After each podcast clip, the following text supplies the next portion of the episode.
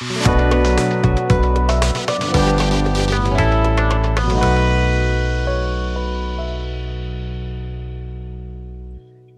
merhaba. Merhaba. Bugün markalarla ilgili konuşacağız ama, ama özel bir sorumuz var. Evet, normal markalar değil, global markalar.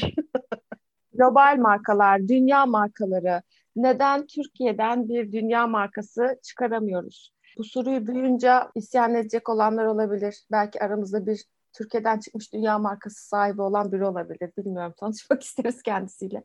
Bazı argümanlar geliştireceğiz herhalde öyle sanıyorum ki değil mi? Evet. Neden çıkaramadığımızla ilgili ya da gerçekten çıkarmalı mıyız? Dünya markası çıkarmak gibi bir hedef mi var? Evet. Ondan sonra ya da işte ne bileyim Apple Nike böyle bir hedefle amaçla mı kuruldu? Neden onlar böyle oluyor da bu genele yayılamıyor? Çok spesifik niş bir alanda kalıyor. Belki biraz bu başlıklardan başlarız diyorum ama çok korkuyorum. Elif ilk markaya kadar gitti mi tarihçede?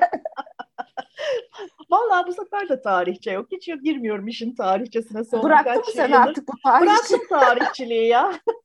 ya e, şöyle aslında bence bir dünya markamız olmalı mı ya da neden yok sorusundan önce dünya markası nedir? Hani global brand nedir? Bence önce bir onu konuşmak lazım. Çünkü genel olarak bu tür şeylerde konuşmalarda benim gördüğüm şey uluslararası markalarla yani uluslararası ticareti yapılan markalarla global brand denen şey çok birbiriyle karışıyor. Herkesin aklında mutlaka bir tanım vardır. Bir global brand nedir ve bunun uluslararası markalardan farkı nedir diye düşündüklerinde. Ben bu aradaki farkı şeye benzetiyorum multi channel'la omni channel farkına benzetiyorum. Yani çok kanallıyla birleşik kanallı, çoklu kanallı gibi. Bu ikisi de mesela birbirine çok karışan kavramlardır ya.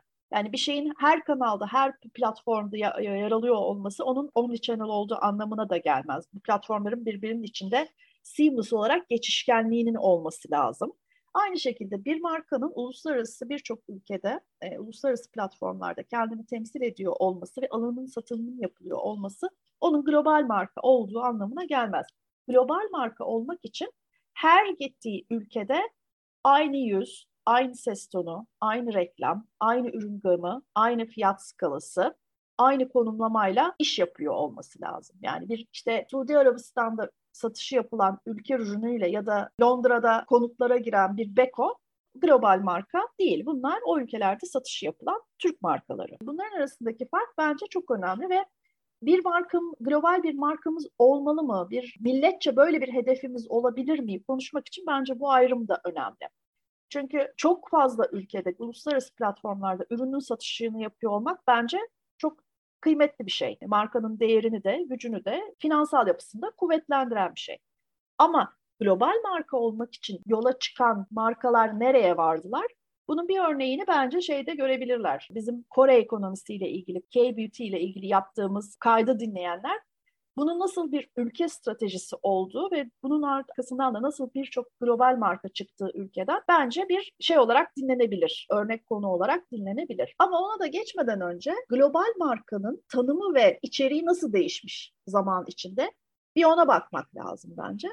Bir tane ya bu şey değil mi? Affedersin. Sunumlarda klasik Standard Poor's şirketlerinin yüzde 50'si artık yok slaytı değil mi bu? Aynen öyle. Ama buna başka türlü bakacağız şimdi elime şey geçti bununla ilgili araştırma yaparken. Tarihçiye bakmayacağım, bak, bakmayalım dedim ama o kadar da değil tabii. Ya bu insanı çok duygulandıran bir liste bu arada. Ben az önce hani hicvinli yaptım. Her yerde görüyoruz ama oradaki dinamiği anlamıyoruz. Yani mesela şimdi bugün bunun yerini bu almış, yarın da bunun yerini bir başkası başka bir şey alacak. Şey Onu anlayamıyoruz. Mesela bence çok çarpıcı örneklerden biri. Oraya geçmeden önce bir tane şeye dikkat çekeceğim. Şimdi elimde 2010 yılına ait global markalar, dünyanın en iyi global markaları sıralaması var. 1'e 2, 3'e geçmeden önce söylemem gereken bence en önemli şey bunun 18. sırasında Marlboro'nun olması. Bir sigara markası dünyanın en iyi global markaları sıralamasında ilk 20'ye giriyor. Bence dünyanın ne kadar hızlı değiştiğinin ve ne kadar bir, nasıl bir yöne gittiğinin önemli göstergelerinden biri ama bu biraz konu dışı. Konuya dönecek olursak 2010 yılında dünyanın en iyi global markası Coca-Cola'ymış. Coca-Cola 2021 sıralamasında 6. sırada. 6 basamak kaybetmiş. İkinci sırada ise IBM varmış. IBM 14. sıraya geçmiş. Tabii bu düşüşün arkasında IBM'in son tüketici ürünlerinden neredeyse tamamen çıkması ve e, ara çözümlere, yazılıma, yapay zekaya yönelmiş olması var. Üçüncü sırada Microsoft varmış. Şimdi hala üçüncü sırada Microsoft. Dördüncü sırada Google varmış. Beşinci sırada GE varmış. General Electric varmış. Şimdi bu, bu yıla geldiğimizde ilk beşi sayıyorum tekrar. Birinci sırada Apple var. Şaşırtıcı mı? Değil. İkinci sırada Amazon var. Üçüncü sırada biraz önce söylemiştim Microsoft var. Dördüncü sırada Google var. Ve beşinci sırada kim var? Samsung. Bundan 20 yıl önce hiç adı bile olmayan, biraz önce bahsettiğim Kora hükümetinin büyüme ve kalkınma hedefleri çerçevesinde sıfırdan yaratılmış, ortaya çıkarılmış bir marka olan Samsung bugün dünyanın en iyi markaları arasında 5. E, sırada. Buradan hareketle başta bir soru sormuştun sen. Dünya markamız olmalı mı? Dünya markamız olması için çalışmak anlamlı mı? Bence bir dünya markamız olabilir, bunun için çalışılabilir ama bunun için tek bir şirketin, bir kuruluşun çalışması yeterli değildir. Bu artık düşündüğümüzden daha büyük bir hedeftir. Türkiye'den bu şekilde bir dünya markası çıkar mı? Bence çıkmaz. Yani bizim böyle bir uzun vadeli strateji kuracak ve bunu takip edecek bir şeyimiz yok ne yazık ki. Düşünce ve yaşam ve çalışma biçimimiz yok ki stratejiyi zaten daha sonra konuşacağız yine beraber. Dünya markasıyla ilgili neden dünya markamız olsun tartışmasına bence geri dönülebilir. Bu önemli bir şey çünkü Nasılını daha sonra konuşuruz ama nedeni bence önemli. Bu konuda senin söyleyeceğin bir şey var mı? Vardır muhakkak da ne diyorsun? ben açıkçası sadece bugün dinleyici olarak geldim. şimdi ben biraz rakamlardan bahsedeceğim ama böyle hani e, şimdi sen global markalar dedin. Evet. Belirli şeyler var, listeler var. Bir de bir Digital Capitalist diye bir site var. Ben onları çok beğeniyorum. Böyle milyonlarca bilgiyi çok güzel anlamlandırıyorlar ve güzel böyle infografiklere çevirip basit, sade hale getiriyorlar. Şimdi ben ondan üç tane şey açmışım buraya önüme. Demişim ki işte dünyanın en değerli ulusal markaları, en değerli Türk markaları ve dünyanın ekonomisi tek bir chartta. Şimdi önce istersen şeye bakalım rakamsal boyutları ve hani senin bu söylediğin neden aslında bu bireysel bir çaba olarak çok anlamlı bir bütüne doğru bizi götürmez. Biz bu vizyon taşısak da biz bunu yapacak doğru adımları, doğru kararları alsak da ortada başka şeylerin de ekosistemler diyoruz mesela buna, altyapılar diyoruz, işte planlamalar diyoruz. Ülkelerin stratejisi olmalı ama bu stratejiler sadece savunma stratejileri, işte coğrafyamız ne olacak, şuradaki ilişkilerimiz ne olacak, diplomasiyle ilgili değil aslında. Ya da işte şimdi mesela soruyor muyuz kendimize bu e, Covid'le birlikte dünyada aslında e, global ticaretin dengeleri değişti. Çünkü işte ülkeler kapandı. Bir sürü şeyler yaşandı. Aramalı sıkıntısı yaşandı. Tedarik sıkıntıları yaşandı. Şimdi ne diyoruz? Hep her kriz bir fırsat barındırır aslında. Mesela bizim Ticaret Bakanlığımız herhalde sormuştur ya da kabinemizde bununla ilgili çalışmalar yapılmıştır. Değişen bu oyuncularla ilgili mesela Çin'in artık gidemediği yerlere veya boşalttığı yerlere biz gidebilir miyiz? İngiltere ile olan ilişkimiz, İngiltere Avrupa Birliği birliğinden çıktı. Orada bir boşluk oluşacak. Acaba bunu kapatabilir miyiz? Ama şimdi ticaret olarak baktığımızda sadece bu gemide konteynerlara yüklenen mallar olarak düşündüğümüz için bunun bir marka uzantısını olabileceğini aslına bakarsan düşünüyoruz. Şimdi Burada Hı. bir şey söylemek istiyorum. Araya çok fazla şey girmeden çünkü sen de değindin ona. Ya mesela biraz önce benim söylediğim önermeyi alıp iyi de Apple'ın arkasında Amerikan devleti mi var? Amazon'un arkasında Amerikan devleti mi var? Onlar devlet olarak global marka yaratmaya mı çalıştılar diye bir soru doğabilir. Tabii burada şey demek gerekiyor. Yani Amerikan ekonomisi ve Amerikan ekonomisinin dünya ticaretindeki yeriyle bizim olduğumuz yeri ya da geçmişte Kore'nin olduğu yeri karşılaştırmamak lazım. Yani bu kadar oyun kurulmuş artık bu kurulu oyunda var olmak istiyorsan o zaman farklı bir gözle bakıyor olman gerekiyor oyunun içindeki şeylere, konumlamalara. Yani evet tabii ki burada stratejiler devreye giriyor. Yani sen teknolojiyle mi ön plana çıkacaksın, kültürünle mi ön plana çıkacaksın ki Türkiye'de milyonlarca bugüne kadar Kültür Bakanlığımızın çektiği tanıtım videoları vardır. Geçenlerde Instagram'da gördüm. Bir galiba fotoğrafçı ya da doğada gezmeyi çok seven birisi bu da benim Türkiye tanıtımım diye bir şey paylaşmış. Benim etrafımdaki herkes o arkadaşımızın videosunu göstermiş. Şimdi çocuğa gerçekten bakıyorsun çok çok kaliteli bir drone ile çekmiş. Ondan sonra ve inanılmaz da hani footage dediğim şeyler inanılmaz da görüntüler almış.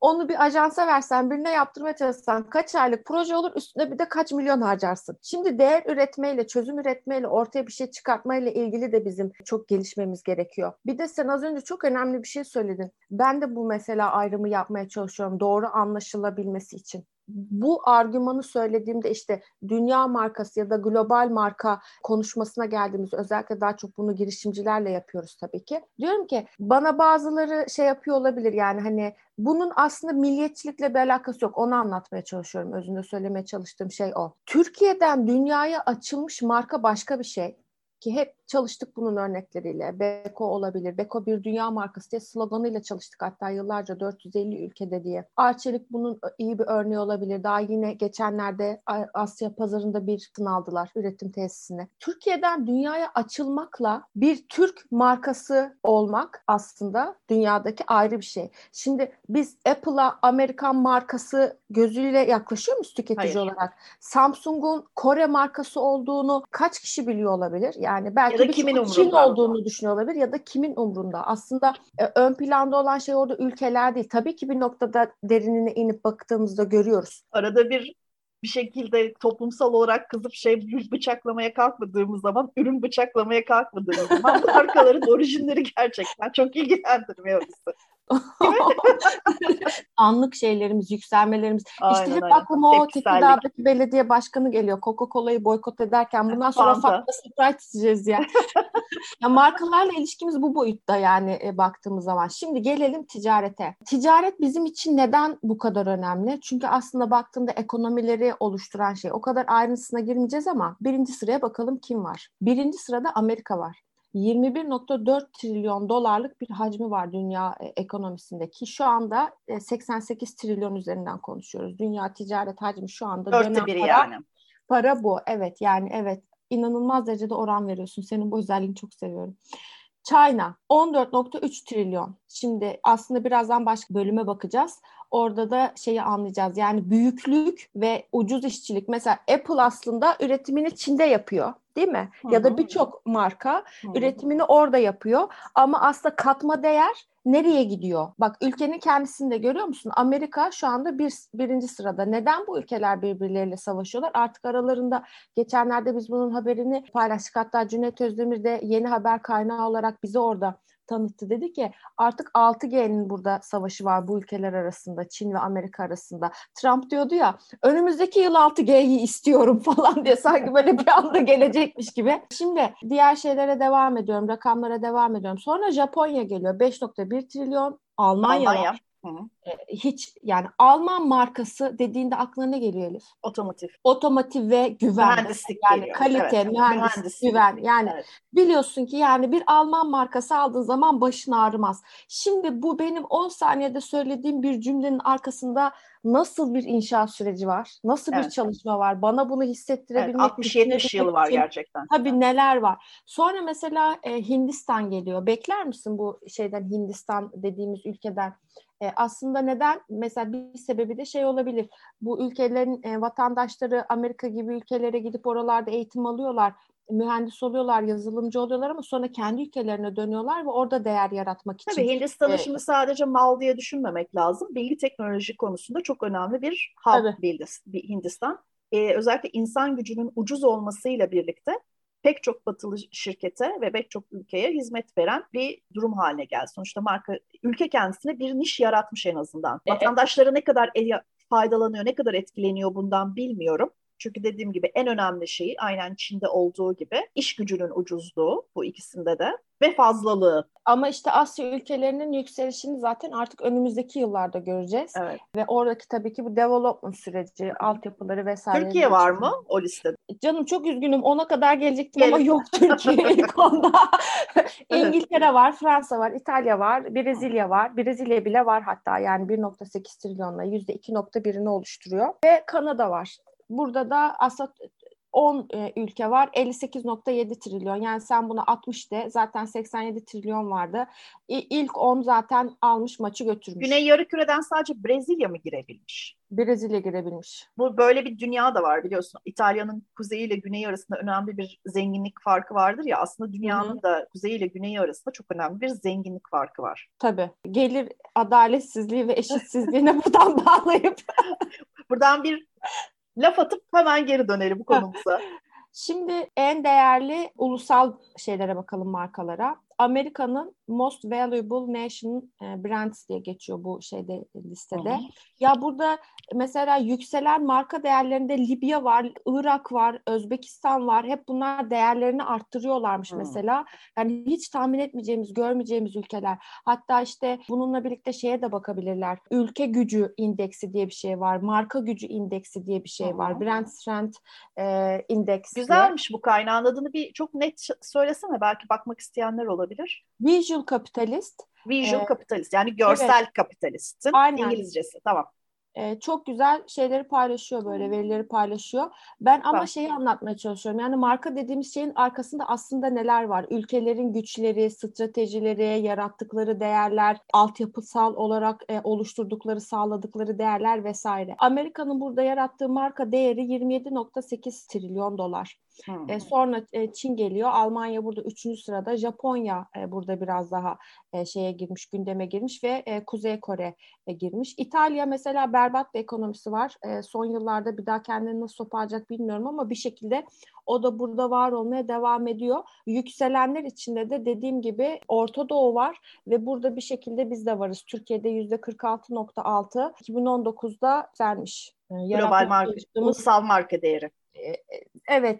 Şimdi son olarak da verilerde şeyleri paylaşalım. En değerli Türk markaları. Bunu da e, Statista'dan bakıyorum. Statista.com diye yazılıyor. E, burada milyon dolar olarak vermişler. Hiç şaşırmayacağımız gibi Turkish. Airlines birinci sırada. Hmm. Ziraat Bankası var, Garanti var, Turkcell var, Arçelik var, Türk Telekom, Akbank, İş Bankası. Bunlar tabii ki bizim için çok büyük markalar, hmm. çok önemli markalar, çok değerli markalar tabii İlk ki. İlk üçü bir daha saysana. Turkish Airlines, THY, Ziraat Bankası Ziraat, garanti. garanti. Yani bir hava yolu, iki banka. Evet. Sonra Türksel geliyor, Arçelik, Türk Telekom, Akbank, İş Bankası, Yapı Kredi hep bankalar var görüyorsun. Ford Otosan, Elsiva 22, BİM, Opet, Opet Ülker, kaçıncı? 11. 11. Elsiva 22 de hemen onun üstünde mi? 10. Hayır 8. Hmm. Şimdi e, ondan daha şeyde yüksekte hacim olarak da 760-570 e, aralarındaki. Hmm. Bayağı da fark varmış. Değer farkı. Migros, Tofaş, Pegasus, Halkbank, BİM, Ondan sonra böyle şeyler var, şirketler var. Şimdi mesela başka şeylere de bakmak lazım ama biz o kadar ayrıntısına girmeyeceğiz. Deloitte'un da yanlış hatırlamıyorsam her yıl şeyi açıklıyor. Perakende ile ilgili e, inde, indeksleri e, açıklıyor. En değerli e, markalarla ilgili. Mesela orada A101 ile BİM sürekli dünya markalarının olduğu bu listelere giriyor hacim hmm. anlamında. Şimdi bunlar da dikkat çekici takip etmemiz gereken şeyler ama orada işte e, bu verileri alıp nasıl işleyeceğimize bakmamız lazım. Yani mesela BİM dediğimiz şey aslında yurt dışındaki Aldi'nin e, model olarak buraya getirilmesi. E şimdi bu demek ki işleyen bir model hmm. ve bu Aldi bence dünyada 10 kişiye sorsan 6-7 kişinin bildiği bir marka ama BİM öyle hmm. değil. O zaman madem aynı işi yapıyorlar, madem o da aynı değeri üretiyor, ticaret hacmi o kadar yüksek, gelir şeylerine baktığın zaman e, rakamları yatırımcıları bu kadar mutlu ediyor. O zaman diğer o etiket, mesela diğer etiketten kastım da şu, ikisi aynı malı üretiyor, biri bin, e, bin liralık e, etiket basıyor, diğeri 300 liralık etiket basıyor. Aradaki 700 lira aslında onun markasına gidiyor, marka evet, ismi. Marka değeri marka değerine gidiyor. İşte özünde benim konuşmamın verilerden çıkıp gelmek istediğim yer burası. Yani marka bir değer yaratma işi Hı-hı. aslına bakarsan. Hı-hı. Üstüne Aynen eklediğin katma değer. Aynen. Ama bundan söz edebilmek için son olarak bunu söyleyeceğim. Sonra başka konulara geçeceğiz birlikte. Bundan söz edebilmek için öncelikle bir işinin olması lazım. Yani bir business'ın olacak ki ona ait bir markan olacak. Sadece markaya bizim yaptığımız en büyük hatalardan bir tanesi markaya yüklenip altı boş bir şekilde ya da yeteri kadar sağlıklı e, bir değer önerisi yoksa, iyi bir problemi çözmüyorsa belki birazdan onları konuşuruz. Bu markalar neden bütün dünyayı bu şekilde yayılabildiler? Neden bu Nike ayakkabısını Uganda'daki çocuk da giyiyor, Kars'taki çocuk da giyiyor, Londra'daki çocuk da giyiyor? Belki hani bunun esprisini biraz açıklamak, anlatmak. Neden bütün bu çocuklara yani giymenin haricinde üründen soyutlamak neden Uganda'daki, Kars'taki, İstanbul'daki ya da Londra'daki çocuğun hepsine bu markayı giymek, bu ayakkabıyı giymek aynı anlam taşıyor? Neden evet. o markaya sahip olmak istiyorlar? Niye bu marka hep aynı anlamı sunabiliyor, aynı faydayı, aynı değeri sunabiliyor? Yani zaten biraz önce dediğin şey marka yaratma ve marka değeri bu. Şimdi marka yaratma, marka değeri e, bu global ticaretten de, global satış taktiklerinden de, işte ürün gamından da, fiyattan da ayrı bir şey.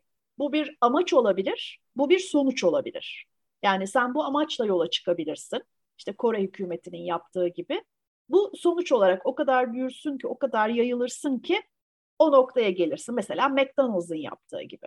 Yani şimdi McDonald's'ın şeyiyle ilgili doğuşu ile ilgili bir e, film vardı. Çok da güzel bir filmdi. Hatırlıyor musun bilmiyorum ama. Evet evet tavsiye ediyorum herkese. Evet. Adını hatırlayamıyorum şimdi ama zaten McDonald's'a ne? Bir, bak bir bakayım ben adına. Tamam yani zaten Google'a bakın herkes bulacaktır. Şimdi McDonald's küçücük bir Amerikan kasabasında ben dünya markası olayım, dünyanın her ülkesinde şeyim olsun, şubem olsun, hepsi aynı McChicken yesin diye çıkmamış. Yani bu bir ticari büyümenin ve o zaman yaşanan yani 60'larda 70'lerde yaşanan globalleşme hareketinin bir sonucu olarak ortaya gelmiş. Ama sorulması gereken şey şu. McDonald's bugün bir dünya markası olmanın ya da Nike bir dünya markası olmanın ya da Apple bir dünya markası olmanın faydalarını görüyor mu görmüyor mu? The Founder filmin ismi bu The arada. The Founder çok güzel bir filmdi. Çok tavsiye ederiz. Yani bugün şöyle bir şeyden bahsetmek gerekiyor marka değerini bence daha iyi anlamak için. McDonald's'la Burger King aynı şey mi? Değil. Apple'la Microsoft aynı şey mi? Ya da Coca-Cola ile Pepsi Cola aynı şey mi? Değil kesinlikle. Hatta yani Coca-Cola ile Pepsi Cola en uç örnek. Çünkü biliyorsun blind testte hani kör testte hiç kimse hangisinin ne olduğunu bilemiyor. En Ve genelde iddialı, Pepsi beğendiklerini söylüyorlar aslında. En iddialı ben hayatta Pepsi Cola içemem diyen insanların bu kör testten başarısız çıktığını işte bununla ilgili bir sürü yazı var, bir sürü şey var. Hatta e, şeyde te, videolar bile var. YouTube'da videolar bile var. Ama sen Coca-Cola'yı gördüğün zaman o sana başka bir şey ifade ediyor. Pepsi'yi gördüğün zaman bu başka bir şey ifade ediyor. Şimdi Beko bir dünya markası mı? Hayır. Çünkü Beko'yu gördüğün zaman işte başka herhangi bir regal gibi bilmem ne gibi elektrikli çamaşır makinesi ifade ediyor. Yani bir ihtiyaç ifade ediyor. Bu tabii şeyden de çok kaynaklanıyor, söyle adını. Beko'nun e, çalıştığı sektör özellikle bakıl, batılı ekonomilerde markalaşmanın çok zor olduğu sektör.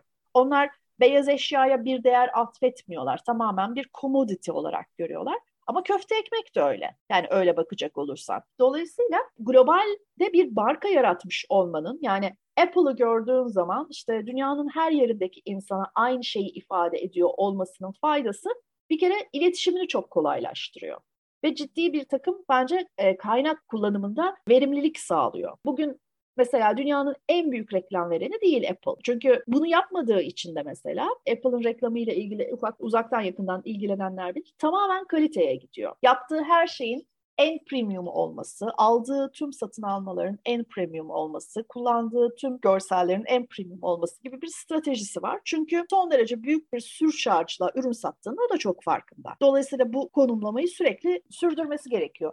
E sen şimdi iletişime tabii ki çok büyük para harcıyorlar. Sakın çok yanlış anlaşılmasın. Çok söyleyeceğim. Bu Apple'ın verimliliğiyle ilgili elimde bir veri var. Başka bir çalışma için bunu toplamıştım ama şu anda sen söyleyince Söyle. paylaşacağım. Apple'ın normal bir teknoloji şirketine göre asetlere baktığında yüzde 40 daha produktif olduğunu, üretken, Hı. verimli olduğunu. Product, ürün verimli. Hı. Evet, verimli olduğunu söylüyor. Diyor Hı-hı. ki Apple 600 tane mühendisle 2 yılda Microsoft'un 10 bin mühendisle 5 yılda geliştiremeyeceği şeyleri geliştirdi.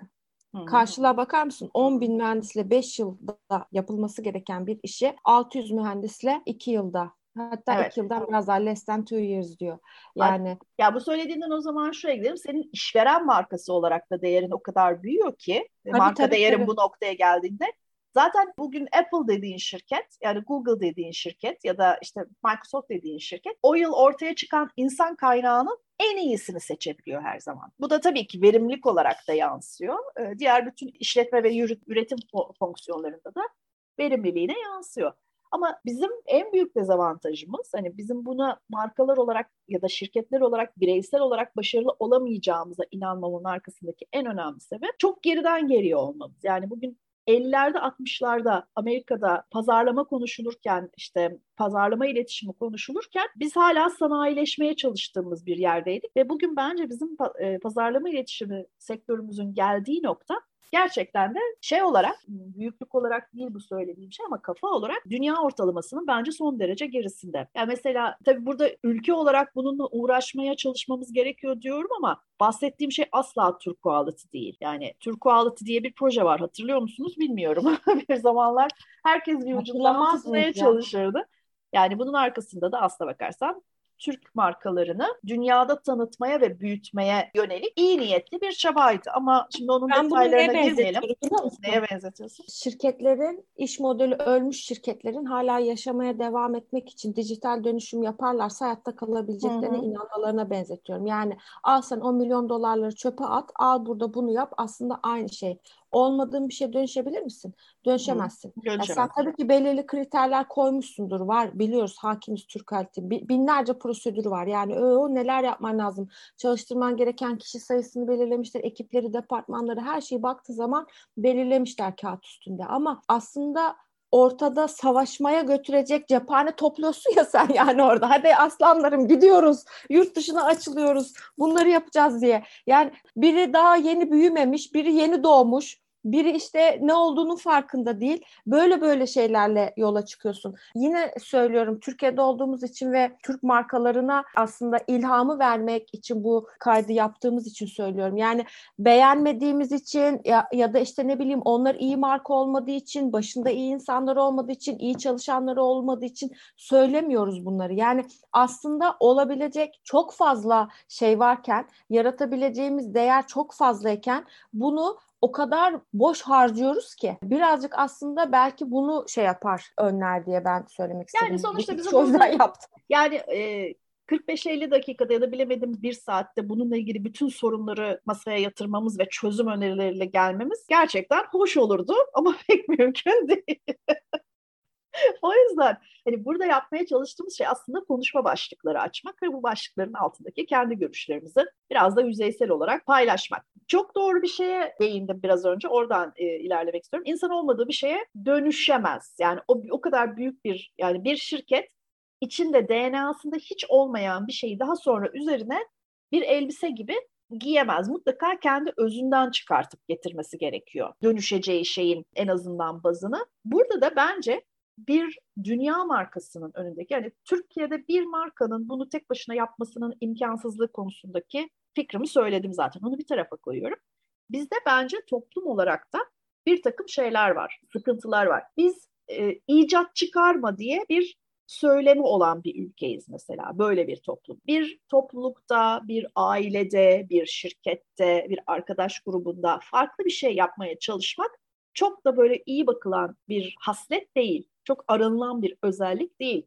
Biz yumuşak başlılığı, alttan almayı, e, işte obedience yani birazcık ezik olmayı daha kolay yönetilebilir olmak olarak düşündüğümüz için bunları te- teşvik eden topluluklarız. İş yerleri de böyle. Yani hepimiz çalıştığı iş yerlerinde her zaman yaşamıştır. Bir şeyi farklı yapmaya çalıştığın zaman önüne koca koca şeyler dikilir, engeller dikilir. Bu iş hep böyledirler, bu iş böyle yapılırlar, burada o olmazlar dikilir. Bence bizim markalarımızın önündeki evet ekonomide çok büyük bir yer kaplamayan bir ülkede oluyor olmanın dolayısıyla dünya ekonomisini yönetecek konumda olmamanın ya da dünya ekonomisine dokunacak konumda olmamanın getirdiği bir takım engeller var.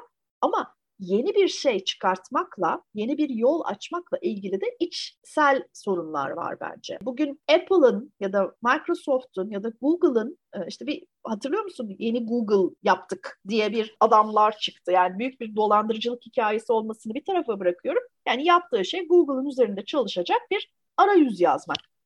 Yani bunların yaptığı şeyleri daha iyi yaparak ya da yeniden yaparak ya da başka bir isimle yaparak başarılı olamazsın ki. Yani yepyeni bir şey yapıyor olman lazım. Bu yepyeni bir şey ne? Bak şeyi söyleyeceğim. Türkiye'yi söylemedim ben az önceki bütün o şeylerde ticaret şeyinde. Bizim dünya ticaretindeki hani sen az önce söyledin ya Hı-hı. o yüzden eksik kaldığını fark ettim. Yüzde 0.86 dünya ticaretindeki yerimiz. Yüzde bir bile değil. Yüzde bir bile değil.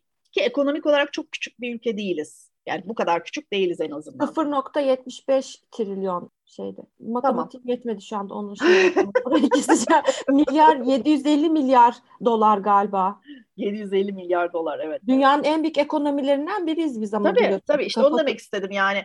Dünya ticaretinde o kadar küçük yer kaplayacak kadar küçük bir ekonomi değiliz. Bizden daha küçük ekonomiler vardır mutlaka. Yani bence bu bizim çıktığımız yolların tamamında önümüze çıkan bir engel. Bizde mesela planlama ve strateji yok uzun vadeli sonuçları bekleyecek sabır yok. İcat çıkartacak ve icat çıkartmak için teşvik edilen bir yapıla, yapı yok şirketlerimizde. Dolayısıyla bir yeni bir şeyle ortaya çıkmamız, bunu da dünya markası yapmamız bence imkansız. O yüzden şey sorusunu sormak istiyorum burada. Ba- tekrar baştaki soruyu sormak istiyorum. Yani Türkiye'de bir Türkiye'den bir dünya markası çıkar mı ve çıkmalı mı? Ne diyorsun bu konuda? Ne- neden çıkmasın ki? Yani nasıl olacak başka türlü? Eğer bizim şu anki dünyada tanım tanımlanmış normlarla değer yaratmamız için bu markalara ihtiyacımız varsa bunun üzerinden ilerliyorsa yani aslına baktığında görünüşte bunu neden yapmayalım ki? Sonuçta bizim de az önce saydım 20 e, tane 30 tane Türkiye'de çok büyük hem değer yaratan aslında ülke ekonomisi içerisinde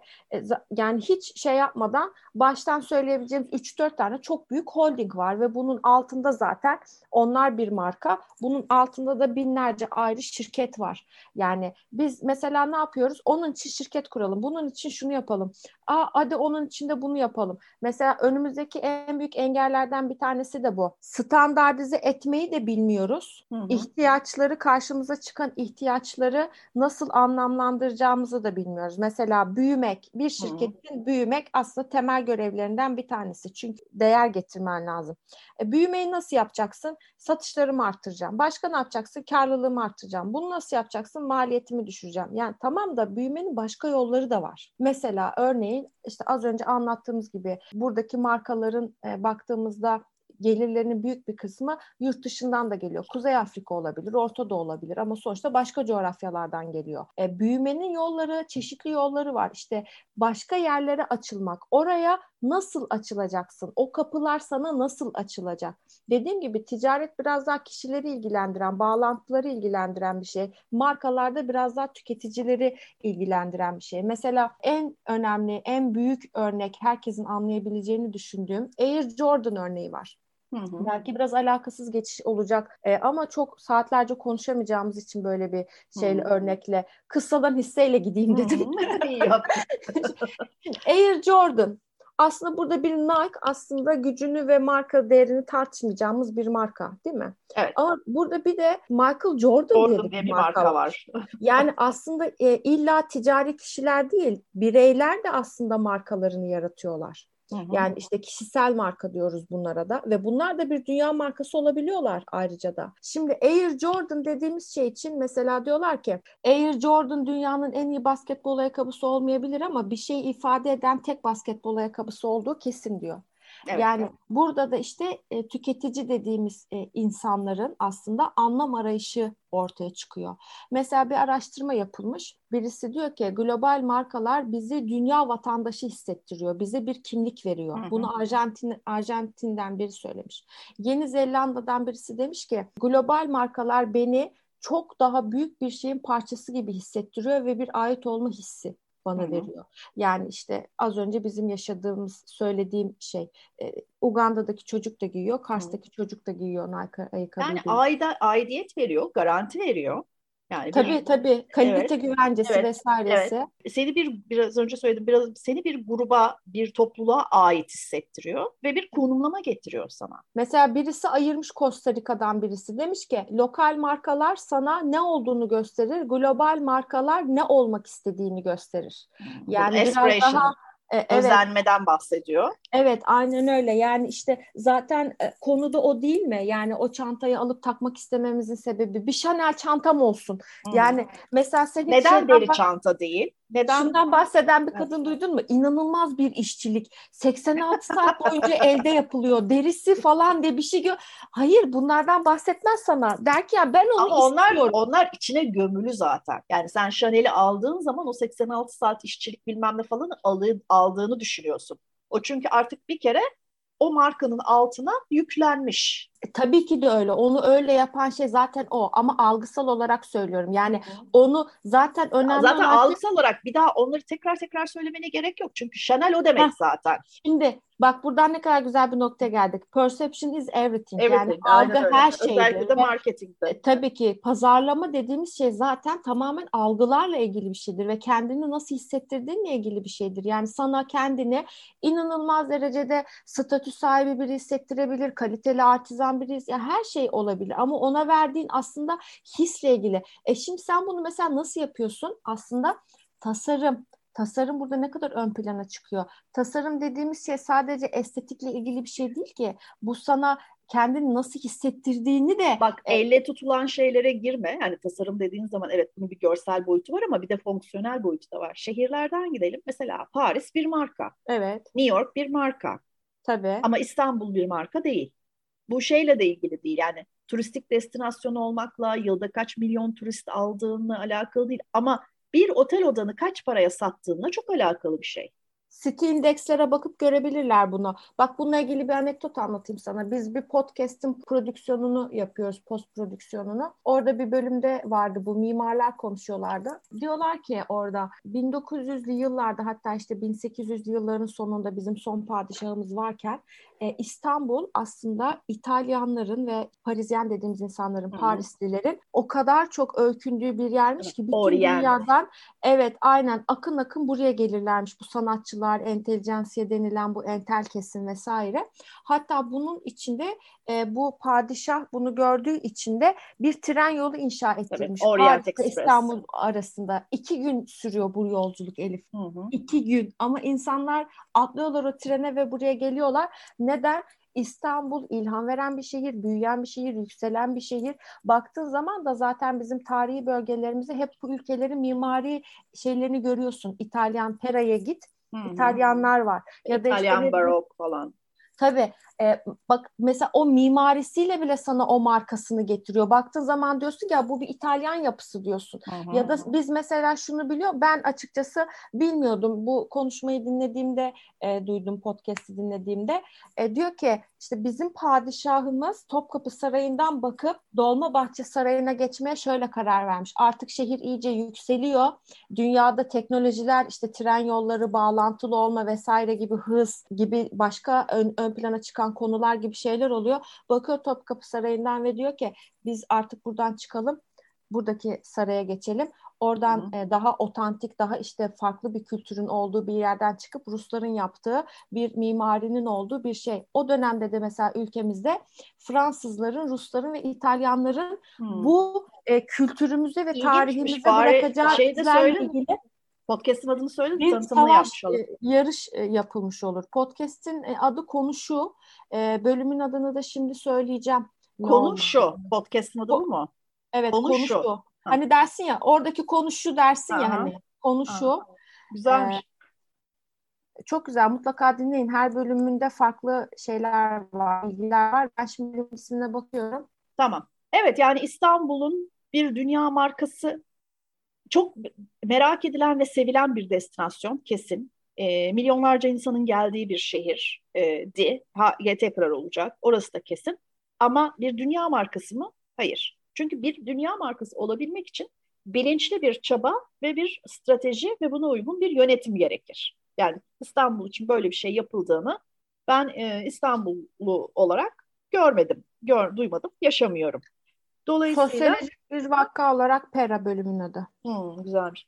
Dolayısıyla da hani orijinal sorumuza geri dönecek olursak sen Türkiye'de bir dünya markası olsun mu sorusuna neden olmasın demiştin ya. Ben de nasıl olsun diye soruyorum. Yani mesela şimdi Begüm Kan var. Bizim takım markalarımızdan bir tanesi. Bunu prensesler de takıyor. E, Hollywood yıldızları da takıyor. Ondan sonra e, bütün Türk dergilerindeki stylinglerde de görüyoruz. Ünlülerimiz de takıyor vesaire. Şimdi bu onu bir dünya markası yapmaya yetmiyor. Neden ya, yetmiyor? Çok da büyük bir network'ü var. Başlangıçta evet. konuşmuştuk. Yani uluslararası bir marka olmak başka bir şey. Le Benjamin var ama geçenlerde konuştuk bunu. E, sevdiğim bir büyüğümle. O da dedi ki e, çok hızlı ilerliyor bir dünya markası olma Belki yolunda. olur. Çünkü Bence şu anda değil ama olabilir. İşte şu anda değil ama çok hızlı ilerliyor. Yani bir başkalarının 6 yılda gelebileceği noktaya o zaten direkt öyle başladı. Hmm. Mesela bununla ilgili dün bir şey paylaştım e, şeyde Instagram'da. Amerikalı şirketlerin aslında başarılı olma kriterleri neler? Türk şirketlerinin kurucuları veya yöneticileri bu Çok doğru. Bak aklımdaydı onu e, gündeme ne, getirmek ne düşünüyor? Şimdi orada mesela birinci sırada mesela biz hep deriz ki ya arkadaş bir para yok ya. Yani burada gerçekten imkanımız yok. Yani burada bir şeyler yapmaya çalışıyoruz diye anlatırsın tamam mı? Ama aslında özünde bizim sahip olmamız gereken dinamiklerin eksikliği var. Nedir bu? Stratejik düşünememe, yaratıcı düşünememe, soyut düşünememe. Bu yeteneklerimiz eksik olduğu için aslında bu, bu noktalara gidemiyoruz. Şimdi söyleyeyim Amerikalılar neden bu kadar başarılılar? Yani olmadıkları düşünülebilir ama rakamlara baktığımızda öyle gözüküyor. Yani her yerde bir numaralar anlatabildim Hı-hı. mi? ABD'li kuruculara göre başarının 5 faktörü. %42 ile zamanlama, %32 ile ekip. Amerikalı şirket sahiplerinden bahsediyoruz değil mi? Evet. Görmemiş Amerika... olan vardır çünkü. E, bu Fast Company dergisinin Türk edisyonunun bu ayki şeyinde var, sayısında var. Hatta kapağında da Eren Bali var. E, Udemy'nin kurucusu biliyorsunuz. O da başarılı bir model unicorn oldu. Şimdi yeni bir şey yapmış, girişim yapmış. Onu da unicorn yapacakmış falan. Şimdi Hı-hı. mesela bu da bir ayrı bir iddia. Belki sonra konuşuruz. Ee, her girişim unicorn olmak zorunda mı? Aynı bakış açısıyla öyle bir Aynen. soru sorabiliriz. Yani hani hı. E, zaten e, şöyle diyecektim. İstersen şu, bunu da söyleyeyim öyle bağla. Bence bizim artık önümüzdeki dönemde oturmuş sanayileşmiş yapıdan çok girişimcileri desteklememiz gerekiyor dünya markası olmamız için. Evet biz o yüzden öyle yapıyoruz zaten Prat'ta. Şimdi devam et. Fikir üçüncü sırada. İş Baştan modeli saysana dördüncü... çok pardon çok karıştı tamam. ya. Baştan sayıyorum. Zamanlama 1 yüzde 42, ekip icraat yüzde 32, fikir yüzde 28, iş modeli yüzde 25, finans yüzde 12. Baktığın zaman e, çok şaşırtıcı e, yani. Evet. Fikir çok önemli dersin, iş modeli çok önemli dersin. Geçenlerde biz yine Ladnifs'te paylaşmıştık. Bumble diye bir uygulamanın e, kurucusu Hı-hı. diyor ki kadın kendi kendine en zengin olan kadınlardan biri olarak lanse edildi. Sonra o da tartışma yarattı. Sen işte e, 1 milyar dolar değerine ulaşmış girişimciye erkek girişimci mi diyorsun? Neden ona kadın girişimci diyorsun falan diye böyle ayrımlar var. Markalarda biraz öyle ayrılıyor ya kadın markaları erkek markaları. Hı-hı. Yani öyle bir şey aslında olmamalı. Bunu o yüzden söylüyorum. Şimdi finansın yüzde on iki olması ya adamlar sadece doğru zamanlamayla başarıya gidebileceklerine inanıyorlar ve gidiyorlar. Bizde zamanlama dördüncü sırada Elif. Yüzde beş Bizim sıralamayız Bizde ekip icraat geliyor. Yüzde altmış bir. Yani hmm. e, sıralamanın yanlış olmasından daha kötü olan şey hem yanlış sırada hem yanlış değerde. Yani yüzde altmış bir değer vermiş yani ekip icraata. Fikir geliyor, iş modeli geliyor, zamanlama geliyor. Finans bizde bize de sonda geliyor. Yüzde 2.8. Neyse en azından yani, onu aşmışız. Hani her şey para değil. A- aynen öyle. Yani en azından biraz bunu aşmak lazım. Şimdi burada bizim e, köklü sorunlarımız var ve biz bunları bunların birçoğuyla ilgili bölümler yaptık aslında bakarsan. E, spor market pazarlamasında bu konuyu konuştuk. Neden Amerika aslında bunu yapıyor da bizde bu olmuyor? Bu kadar büyük bir spor ekosistemimiz var. E, futbol e, dinamizmine baktığın zaman en büyük hacmi yaratan ülkelerden birisiyiz. Hem taraftarlık anlamında hem o oradaki arkadaki bu da bir business. Bunu da anlattık. Kulüplerin aslında bu e, lisanslardan yarattıkları yaptıkları ürünlerden ne kadar para kazandıklarını. Yani sen takım tutuyorum diyorsun ama aslında o da senin için bir marka. Fenerbahçe, Galatasaray. E, bütün bu anlattıklarımız biraz geniş ve e, karışık gibi gelebilir dinleyenlere ama dünya markası olmak istiyorum çok romantik bir istek. Hı hı. Yani bunu söyledin ve hadi bir anda oldun gibi bir şey değil. Bunun arkasında ciddi çalışmalar yapman lazım. Bir kere belirli kriterler var. Neler olmalı bunlar? Ee, senin e, kurumsal kimliğin, oluşturduğun, yarattığın değerin, kültürün en önemli şey zaten az önce söyledik kültür. Ulaşılabilirlik. Ne kadar ulaşılabilir oluyorsun? Güveni yaratan şeylerden bir tanesi de o. Mesela Asya'dasın. E, o her yerdeki böcekleri, garip yemekleri yemek istemiyorsun. Bir McDonald's çıksa karşına diye dua ediyorsun. Allah'ım diyorsun sana şükürler olsun. Tanıdık bir şey gördüm. Tanıdık bir şey gördüm giriyorsun. Zaten mesela pazarlama eğitiminde de şey vardır. Uluslararası ticarette ilk şeyle başlar. E, ülkelerin adaptasyon, markaların adaptasyon ve standartizasyon stratejisi. Yani evet, sen evet. gittiğin ülkeye ya adapte olursun ya da standardını götürürsün aslına baktığında. Genelde McDonald's ne yapar? Standart bir yaklaşım sunar gittiğinde e, şeylerine aynı renkleri görürsün, aynı kokuyu görürsün, aynı masa sandalyeyi görürsün vesaire. Ulaşılabilirlik dedik, kültür, kimlik, vizyon dedik, bağlantılı olma dedik. Bunlar çok önemli şeyler. Bununla birlikte nasıl erişeceksin buna tabii ki? tutarlılık da çok önemli bir şey. Ve buradaki strateji hiçbir zaman onunla da ilgili bir bölümümüz olacak hemen bunu dinledikten sonra ona geçebilirsiniz. Sonraki bölüm reklamı yapıyorum.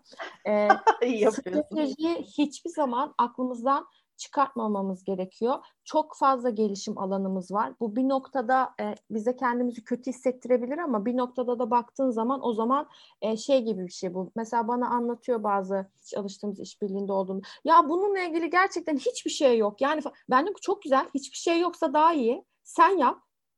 Yani ve senin yaptığın hmm. bir norm olsun. Evet. Senin yaptığın baz alınsın. Bizde, bu... Bizdeki en büyük eksiklik bu dedim ya icat çıkarma diye diye çocukları icat çıkarmaktan korkar ve o şekilde düşünemez halde eğitiyoruz. Evet yani sonuçta farklı başlıklar çıkıyor karşımıza ama e, ayrıntılı şeylere girecek olursak ya mesela önümde şeyler açık. Dinleyenlere de tavsiye ediyorum. Bu şirketlerin büyük teknoloji şirketlerini yani Elif az önce saydı ya hangi markalar gitmiş yerine neler gelmiş. Artık hep teknoloji şirketleri var. Bu bunların hepsi de halka açık raporlarını, yıllık raporlarını okuyun bu şirketlerin. Ne yapıyorlar, ne planlıyorlar, nasıl stratejileri var, parayı nereden kazanıyorlar? Mesela Apple en çok iPhone'dan para kazanıyor ama e, hiç e, azımsanmayacak kadar aslında servislerinden de para kazanıyor. Çok büyük bir kısmını, gelirinin büyük bir kısmını buradan elde ediyor. E, yeni yaptığı yatırımlar nereye doğru gidiyor? E, bu şeylerin düşünme biçimlerini anlamaya çalışmalıyız bence. Yani modellerini veya yaptıkları şeyleri kopyalamak yerine Doğru. bu insanları onları ileri götüren şeyi anlamamız, tutkuyu anlamamız lazım. Yani e, Steve Jobs'un o filmini herkes izlemiştir. Arabada e, Apple ismini verdikleri sahne Steve Wozniak'la şeye giderken. Yani adam ben bir şey yapayım da ya 70 yılında kurulmuş bir markadan bahsediyoruz. 44 yıllık bir şirket Apple. Yani 2007 yılında iPhone'la beraber hayatımıza girdi gibi düşünüyor olabilir bazıları ama yani bunları bizde kavramsal olarak kurma ve geliştirme, inşa etme gibi şeyler yok. İşte bunlar da hep strateji eksikliğinden olabilir, olabilir. diyorum. Buradaki çıkışımı Bütün anda, stratejide diyorsun. bir anda düşürüyorum. Yani ne, neden olmadığıyla ilgili üzülüyorum aslına bakarsan. Çünkü çok fazla potansiyel var. Bunu söylemek de bir noktadan sonra nasıl hani küresel iklim krizi diyoruz, kulak erozyonu diyorum ya ben ona. Türkiye bizim ülkemizin çok ciddi bir potansiyeli var. Yani falan. Bunu konuşmaya alışmışız anladın mı? Tamam arkadaş da o potansiyeli birisi de çıkarsın. Bunu bir işleyelim, bir gösterelim. Yani nedir bizim bu potansiyelimiz aslına baktığında? Yani ya hiç kimse bizim yaratıcı bir toplum olmadığımızı iddia edemez üretken, çalışkan bir toplum olmadığımızı iddia edemez. Ama tabii ki gelişim alanlarımız var ve ilişkili olmadığı düşünülse bile aslına bakarsan bir e, global marka yaklaşımına sahip olmamamızın altında en temelde bu var. Yani bir psikolojik soruna gidip çocukluğuna inme gibi burada da ülkeye inmemiz lazım. Doğru. Global marka günümüz dünyasında biraz önce konuşmanın ta en başında değindik. Pandemide aslına bakarsan bütün e, kaynaklarımızın ne kadar dışa bağımlı olduğunu hep beraber test ettik. Ve pek çok ülke, kurum, kuruluş bu tür e, kaynak kullanımlarını sorgulamaya başladı. Ama günün sonunda çok sağlam bağlarla kurulmuş bir global e, ticaret dünyası var. Bunun içinde senin marka olmanı sağlayacak şeyin ben hem kaynak kullanımı hem fiyatlandırma ve değerlendirme konusunda tüm markalara çok büyük değer kattığını Dolayısıyla bunun için uğraşmaya değeceğini düşünüyorum ama uğraşmak tabii bu bir yan e, ürün halinde olmalı. Tek amaç halinde olmamalı. Yani sen işini çok iyi yaptığın için, markanı çok iyi büyüttüğün için ve çok iyi oturttuğun için beraberinde gelen bir çözüm olmalı. Türkiye'deki ekonomiye ve ticaret dünyasına baktığımda bunu artık bir markanın tek başına yapması çok zor e, kurulmuş oturmuş e, sektörlerde e, ve alanlarda. O yüzden girişimciliğin bir de bu bakış açısıyla desteklenmesi gerektiğini düşünüyorum. Bu konuyla ilgili aslında özet olarak söyleyeceklerim bunlar. Ay bu konuyla ilgili Elif'e danışabilirsiniz diyeceksin falan sandım yani. Danışın Gerçekten tabii. Niye tüm girişimcileri bana yönlendiriyorsun sandım şu anda. Ay dedim ne kadar güzel. Ya burada bir kültür yarattığını da unutmayalım bu markaların. Yani markalar aslında e, ülkelerin kültürlerini de besleyen, geliştiren asetler diyelim ve bunun bir de yatırım e, boyutu var. E, o belki onunla da ilgili bir gün konuşuruz. Bence bu da çok önemli bir başlık. Buradaki e, yetenekler konusu, ülkelerin yetenek çekme ve o yetenekleri barındırma konusu da çok önemli bir konu. Belki onu da konuşuruz önümüzdeki zamanlarda. Neden olmasın? O zaman şimdilik hoşça kalın mı Hoşça kalın. Hoşça kalın. diyoruz diyoruz yani. tamam. e, e, şimdi Sanki plan yapalım. Girdisi nasıl dünya markası yaparız? Gel senle onu konuşalım. Hadi. Hadi hoşçakalın. Hoşçakalın.